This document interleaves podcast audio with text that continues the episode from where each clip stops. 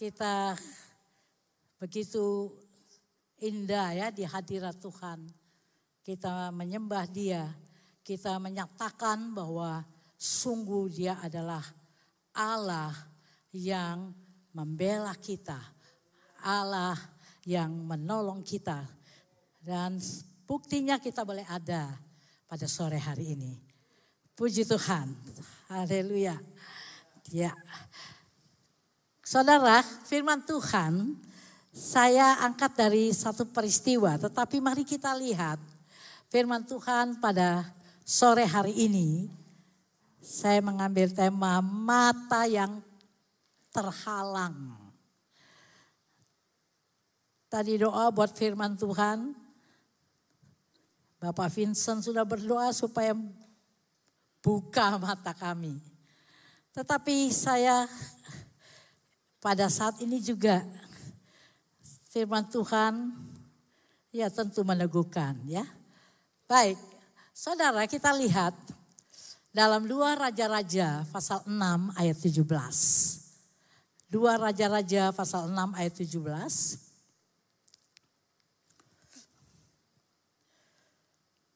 Firman Tuhan, lalu berdoalah Elisa. Ya Tuhan, bukalah kiranya matanya supaya ia melihat. Bapak Ibu Saudara sekalian, Elisa menaikkan doa bagi pelayan hambanya, pelayan Elisa itu. Nah saudara kenapa Elisa berdoa untuk pelayannya atau untuk mata bujangnya itu agar melihat. Melihat terbuka, melihat. Saudara, bukan berarti hamba dari Elisa itu dia alami cacat netra ya.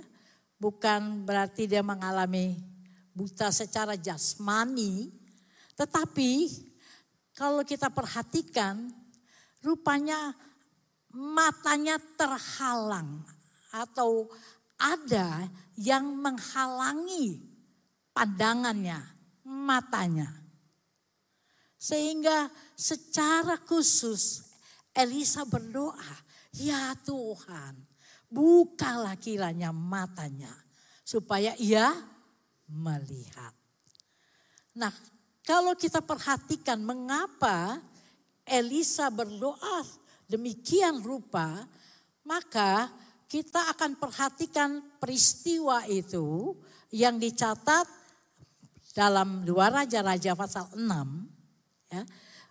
Mulai dari ayat 8 sampai 23 panjang ya. Ini peristiwanya dicatat di dua Raja-Raja 6 ayat 8 sampai 23. Nah kalau saudara bawa Alkitab, saudara bisa membukanya.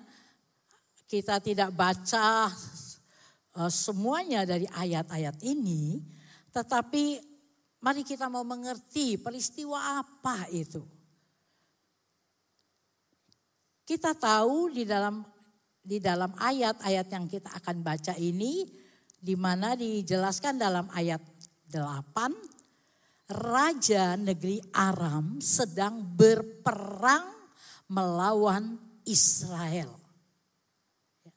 Jadi Aram sedang berperang melawan Israel. Nah, peperangan ini bukan peperangan yang begitu saja. Tetapi kalau saudara baca pada ayat-ayat berikutnya, di mana tentara ayah Aram, maksud saya kok ayam. Tentara Aram dia mengatur strategi yang begitu baik. Di mana dia kita kita perhatikan di dalam peristiwa itu Aram dia mengatur uh, posisi penyergapan. Ya.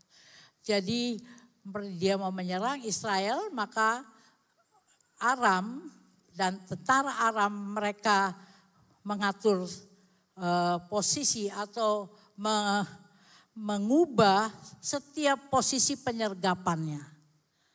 Jadi mungkin sekarang posisi penyergapannya di titik satu, dua, tiga berdekatan, berikutnya berubah. Tetapi saudara, tentara Aram mereka merasa diperdaya.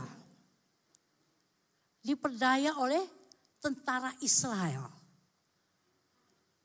Karena setiap kali Tentara Aram ini mengubah posisi penyergapan itu. Tentara Israel tidak lewat tempat itu. Jadi setiap kali diatur begitu rupa posisi tentara Aram supaya mereka bisa menyergap tentara Israel. Tetapi sekali lagi selalu gagal. Karena tentara Israel tidak melewati tempat yang diatur oleh Raja Aram itu. Nah lama-lama kalau saudara perhatikan cerita itu, rupanya Raja Aram mulai curiga. Ya, mulai curiga. Kok sudah kita atur strategi begitu rupa? Ya, dan tentu antar mereka saja yang berbicara. Tapi kenapa Israel tidak pernah lewat daerah itu. Nah, karena curiga Raja Aram ini, maka Raja Aram ini mencari bahwa ini pasti ada yang membocorkan ya, strategi mereka. Ada yang membocorkan rencana penyergapan itu. Ya tentu dia curiga seperti itu. Dia, dia menganggap bahwa ada pengkhianat di antara mereka, di antara tentara Aram itu. Akhirnya dipanggillah tentara Aram, ya, dipanggil mereka semua untuk ditanyakan.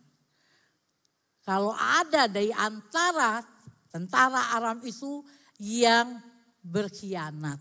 Nah, memang susah ya kalau dikhianati begitu rupa. Tetapi setelah dipanggil pegawai-pegawainya, tentara-tentara Aram, nah Raja Aram ini bertanya, kok bisa seperti ini ya? Siapa? Siapa di antara kalian yang membocorkan semua rencana mereka. Akhirnya salah satu dari uh, tentaranya, pegawainya berkata demikian. Dia berkata kepada Raja Aram bahwa di Israel itu ada seorang nabi.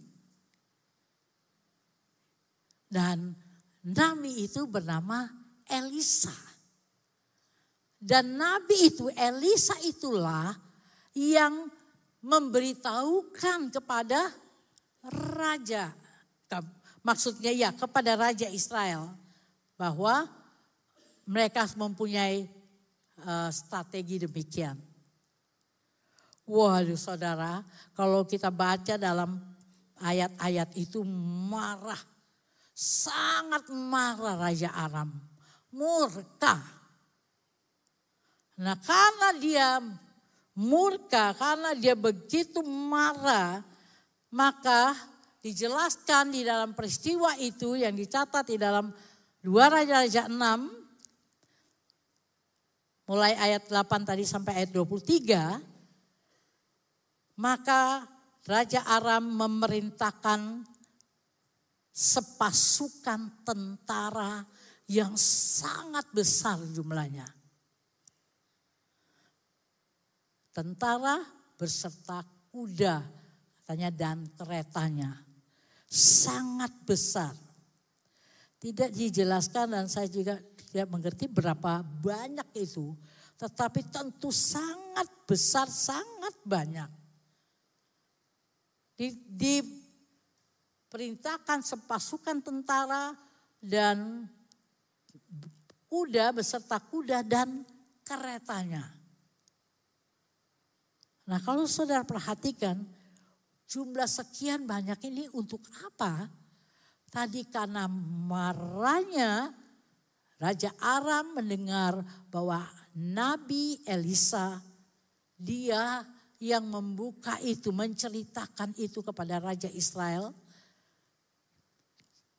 Maka saat itu dia pikir harus cari tahu di mana rumahnya Elisa tentu.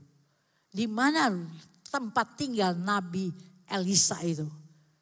Pendek cerita, mereka tahu, dapat informasi di mana Elisa, Nabi Elisa tinggal dan dijelaskan tempat tinggal Nabi Elisa itu di Dotan. Tempat itu bernama Dotan. Maka sepasukan tentara yang besar jumlahnya itu beserta kudanya, keretanya mengepung ya mengepung Dotan pada malam hari.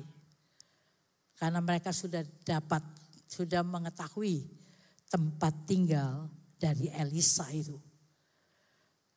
Sehingga dengan sekian banyak tentara dan kuda dan kereta yang mengelilingi Dotan itu sepertinya Elisa tidak dapat meloloskan diri.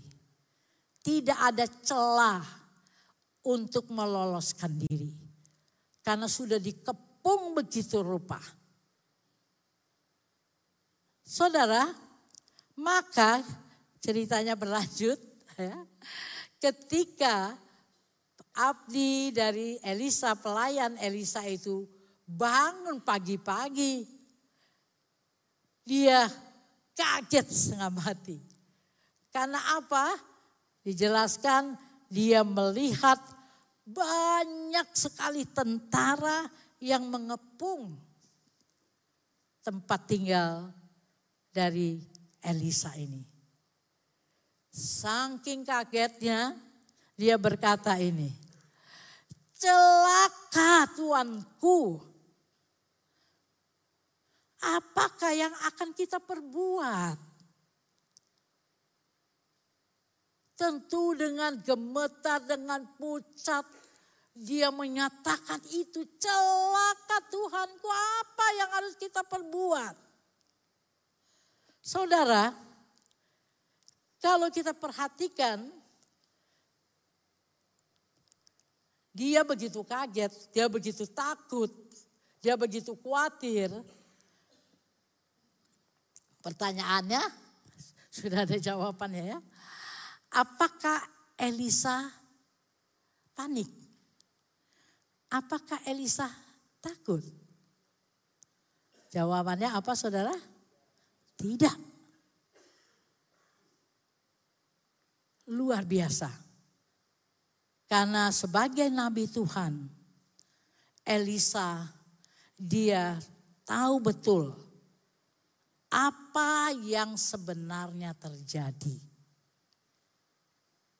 Dia tahu betul apa yang terjadi pada saat itu. Sehingga luar biasa apa yang dia katakan kepada pelayan Tuhan itu. Kepada pelayan maksud saya kepada pelayan Elisa itu. Ayat 16, dua Raja-Raja 6 ayat 16, ini ayatnya, jangan takut Sebab lebih banyak yang menyertai kita daripada yang menyertai mereka. Jangan takut.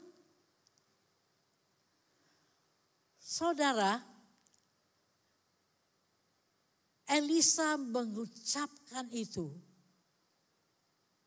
Mungkin saja, ya, mungkin saja si pelayan Elisa itu bingung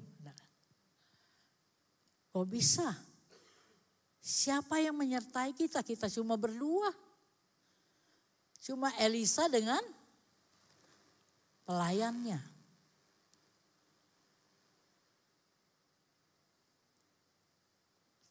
Saking dia bingung, mungkin dia bingung apa ya maksud perkataan Elisa itu. Kalau jumlah yang menyertai mereka itu lebih besar. Apa itu? Nah, saudara, kalau kita perhatikan kembali kepada ayat pokok kita, ya, dalam dua raja-raja pasal 6 ayat 17 tadi, ini ya doa Elisa. Doa Elisa bukalah kiranya matanya mata pelayan Elisa itu. Supaya ia melihat. Sekali lagi, bukan berarti secara jasmani mata Elia, mata, Elia, mata pelayan Elisa itu sama sekali tidak melihat. Sekali lagi dia bukan tunanetra. Tetapi doa dari Elia, Elisa maksud saya, supaya Tuhan bukakan mata. Bukakan mata dari pelayannya itu. Nah saudara, Elisa tahu bahwa yang menyertai mereka lebih besar dari tentara Aram, pasukan kuda, mereka yang dikirim untuk mengepung Dotan. Secara mata jasmani, ya kelihatan. Tetapi yang Tuhan, yang Elisa katakan bahwa yang menyertai kita itu lebih besar, lebih banyak. Jadi saudara perhatikan di sini bahwa Elisa ingin agar mata dari pelayannya itu terbuka melihat bagaimana perlindungan Allah yang besar itu.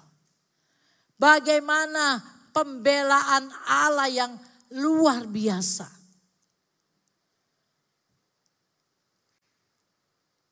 Saudara, sering kali juga sebagai orang-orang percaya kita tahu firman Allah. Firman Allah telah datang kepada kita dan sepertinya kita bersyukur. Amin.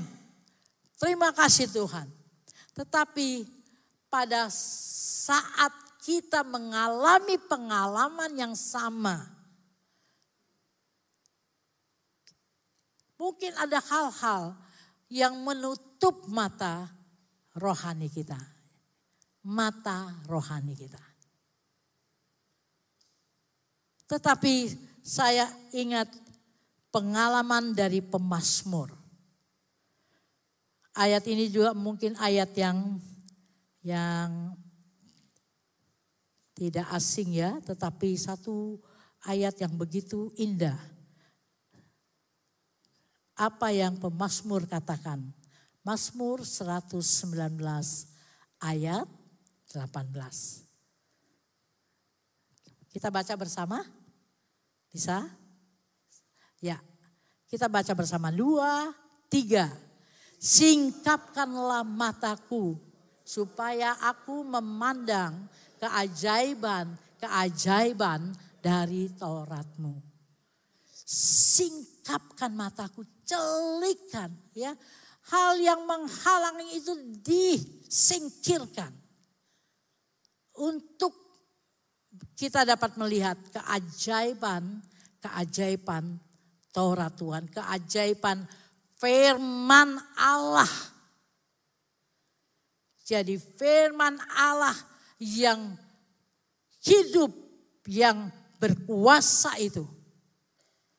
Biarlah betul-betul kita alami menjadikan kita orang-orang yang mengalami keajaiban-keajaiban firman itu. Ada banyak orang senang mendengar firman. Tetapi mendengar dia tidak mengimani firman Allah. Apalagi pada saat yang begitu mencekam, saudara, menakutkan. Seringkali kita mungkin meremehkan. Ah, itu firman Allah. Ya, amin. Tapi saya tidak tidak rasakan itu. Mungkin saudara ada dalam pengalaman-pengalaman itu. Tetapi sedikit saudara kita lihat beberapa hal yang menghalangi mata rohani kita sebagai orang-orang percaya untuk tidak melihat keajaiban Tuhan, keajaiban firman-Nya dan kita tidak menikmatinya. Nah, Saudara perhatikan mengapa mata rohani bisa terhalang. Yang pertama tadi ya seperti pelayan dari Elisa. Dia apa? Ketakutan ketakutan. Ketakutan ini ya biasa ya, bisa saja dialami oleh siapa pun itu. Mulai dari orang-orang dewasa, lansia, sampai kepada anak-anak. Tetapi saudara kalau kita tinggal dalam ketakutan, maka mata rohani kita terhalang. Saya tidak mengerti perasaan saudara malam ini. Apa yang Tuhan sedang uh, izinkan saudara hadapi. Dan saudara begitu takut. Saudara, biarlah kita seperti pemasmur tadi katakan. Biar mataku singkapkan mataku supaya aku dapat melihat keajaiban. Saya tidak mengerti apa yang membuat saudara takut. Tapi inilah firman Tuhan untuk kita perhatikan dan kita tentu berdoa. Seperti pemasmur tadi, singkapkanlah mataku. Dan yang kedua, Mengapa mata rohani terhalang? Bisa itu karena kesedihan. Kesedihan. Dan akhirnya kecewa. Karena ada contoh di dalam firman Allah di dalam Yohanes pasal 20 ayat 11 sampai ayat 16. Di sana bagaimana Maria, Maria dia melihat kubur Yesus kosong dan dia bersedih. Bersedih begitu sedihnya dia. Dijelaskan mulai ayat Yohanes pasal 20 ayat 11 sampai 16. Sampai malaikat bertanya bahkan Yesus datang kepada dia. Dia tidak tahu bahwa itu adalah Yesus yang sudah bangkit. Dia tidak mengerti. Sepertinya ada yang menghalangi dia. Yaitu yang menghalangi dia apa? Kesedihan, kekecewaan. Akhirnya dia berkata, wah yang datang itu tukang kebun. Tukang kebun datang Kemudian dia bertanya, saudara tentu ingat ceritanya, bagaimana dia bertanya, di mana apa? Mayat Yesus yang dicuri orang Jadi kekecewaan, kesedihan bisa me, membuat mata rohani kita terhalang. Lukas 24 ayat 13 sampai 35 ini orang yang kecewa juga. Karena Yesus mati dan dia sudah mendengar bahwa rekan-rekannya ke kubur, kubur itu kosong, akhirnya dua orang ini dari Yerusalem mereka kembali ke Emmaus ke tempat tinggal mereka. Karena sedih ah sudahlah. Mungkin sekali lagi seperti orang-orang ah nggak Yesus Yesusan nggak usah mengikut Yesus. Dan kita tahu bersama juga bahwa mereka tertutup terhalang mata mereka waktu mereka berjalan bercakap tentang peristiwa kebangkitan Yesus atau mayat Yesus yang tidak ada lagi dikubur. Yesus datang menghampiri mereka. Yesus berjalan bersama dengan mereka. Tetapi mereka tidak bisa melihat bahwa itu Yesus. Ya, sesudah itu ya, kita lihat baru mereka sadari bahwa itu Yesus. Pengalaman murid-murid juga yang ketiga itu, pengalaman murid-murid di mana mereka sudah tidak fokus lagi kepada perkataan Yesus. Mereka fokus kepada yang lain. Oh tentu cerita ini saudara sudah mengerti bagaimana saat sesudah Yesus memberi makan kurang lebih lima ribu orang laki-laki saja. Tentu itu lebih dari lima ribu ya. Kalau diperhitung, kalau kita hitung dengan istri dan anak mereka. Bisa 12 sampai 15 ribu. Nah, waktu Yesus menyuruh murid-murid untuk menyeberang danau, maka ada angin, badai yang begitu besar. Kita mengerti mereka ketakutan. Tentu ketakutan. Ya ini ketakutan. Tetapi saudara, Yesus menghampiri mereka. Karena saat Yesus menyuruh mereka menyeberang, Yesus naik ke atas bukit berdoa. Yesus menyuruh murid-murid. Jadi tentu dia memperhatikan, dia memperdulikan murid-murid. Tapi kita lihat bagaimana mereka ketakutan. Bahkan mereka berkata, itu hantu. Oh, itu hantu. Akhirnya kita tahu ceritanya bagaimana Yesus menghampiri mereka. Yesus menghampiri murid-murid. Tetapi yang berikutnya, Petrus melihat itu adalah Yesus.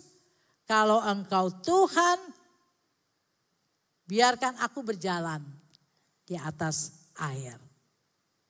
Tetapi kita tahu fokusnya sudah tidak lagi kepada Yesus, perintah Yesus.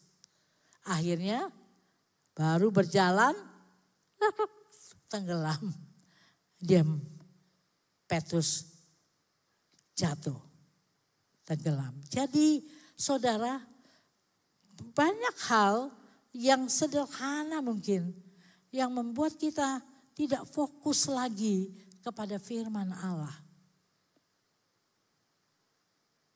Tapi saya yakin karena kehadiran saudara malam ini, maka saudara mau memegang janji Tuhan itu. Amin saudara.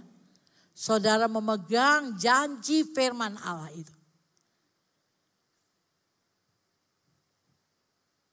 Bahkan kalau kita tidak fokus kepada firman Allah, kita lebih mendengar, lebih menuruti yang di luar firman Allah.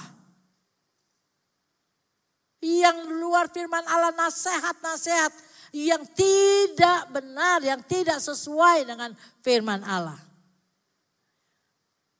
Saudara hati-hati.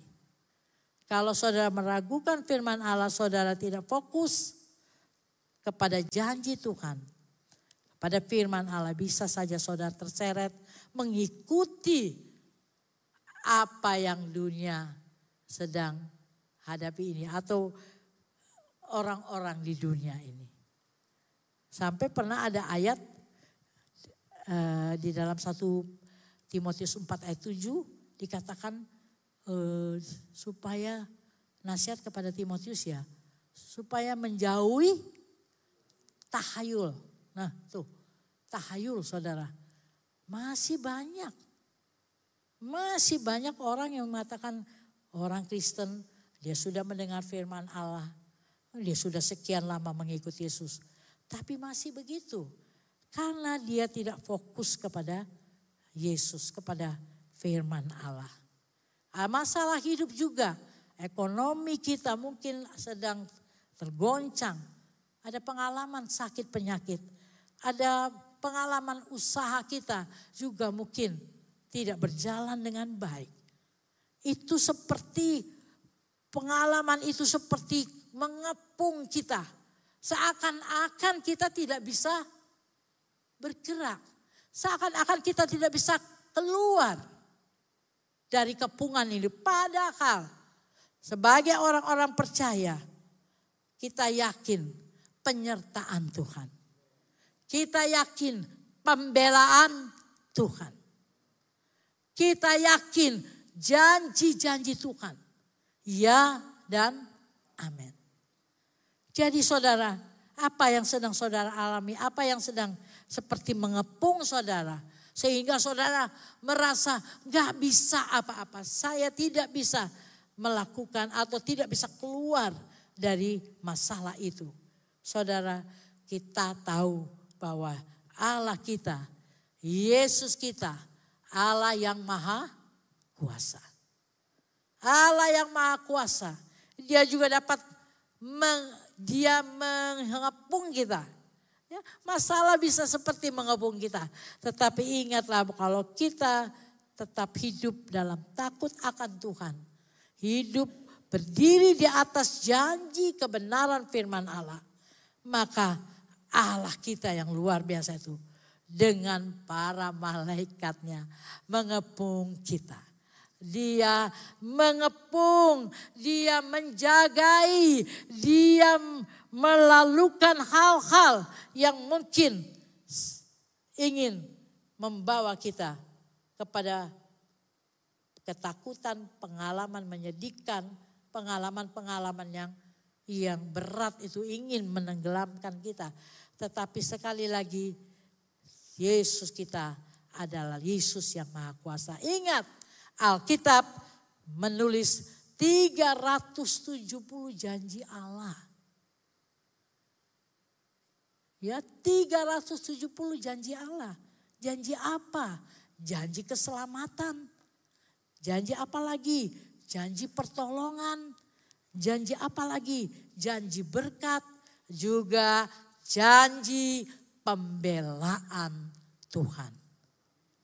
Dan biarlah kita tetap menghargai bahwa Yesus kita, Yesus kita yang hidup dan berkuasa itu. Kalau kita berharap, kita memandang kepada dia, kita minta supaya benar-benar hal-hal yang tadi coba menghalangi mata rohani kita disingkirkan. Dan kita dapat melihat dan mengalami sekian banyak janji Allah itu. Puji Tuhan. Ada ayat juga dalam Mazmur 34 ayat 8 dikatakan malaikat Tuhan berkemah di sekeliling orang-orang yang takut akan Tuhan malaikat Tuhan mengelilingi, ada di sekeliling kita, di mana kita berada, di tempat tinggal kita, di usaha kita. Inilah keyakinan kita, karena ini adalah firman Allah. Puji Tuhan, jika Allah di pihak kita, siapa yang akan melawan kita? Kiranya Tuhan terus mengingatkan saudara dengan janji-janjinya. Menyadarkan saudara bahwa dia tetap sama. Apa yang disembah oleh Elisa itu juga Allah yang sama. Di dalam Tuhan Yesus Kristus. Biarlah malam hari ini saudara-saudara yang mungkin mengalami pengalaman-pengalaman dan pengalaman-pengalaman itu seperti mengepung saudara. Bahwa Allah kita adalah Allah yang lebih besar dari apa yang kita hadapi, yang kita alami di dalam hidup kita. Allah kita lebih besar dan dia akan melindungi kita. Dia mengawal kita. Dia memagari kita. Yakinlah firman Allah. Tuhan Yesus akan menolong dan terus menyertai kita. Puji Tuhan.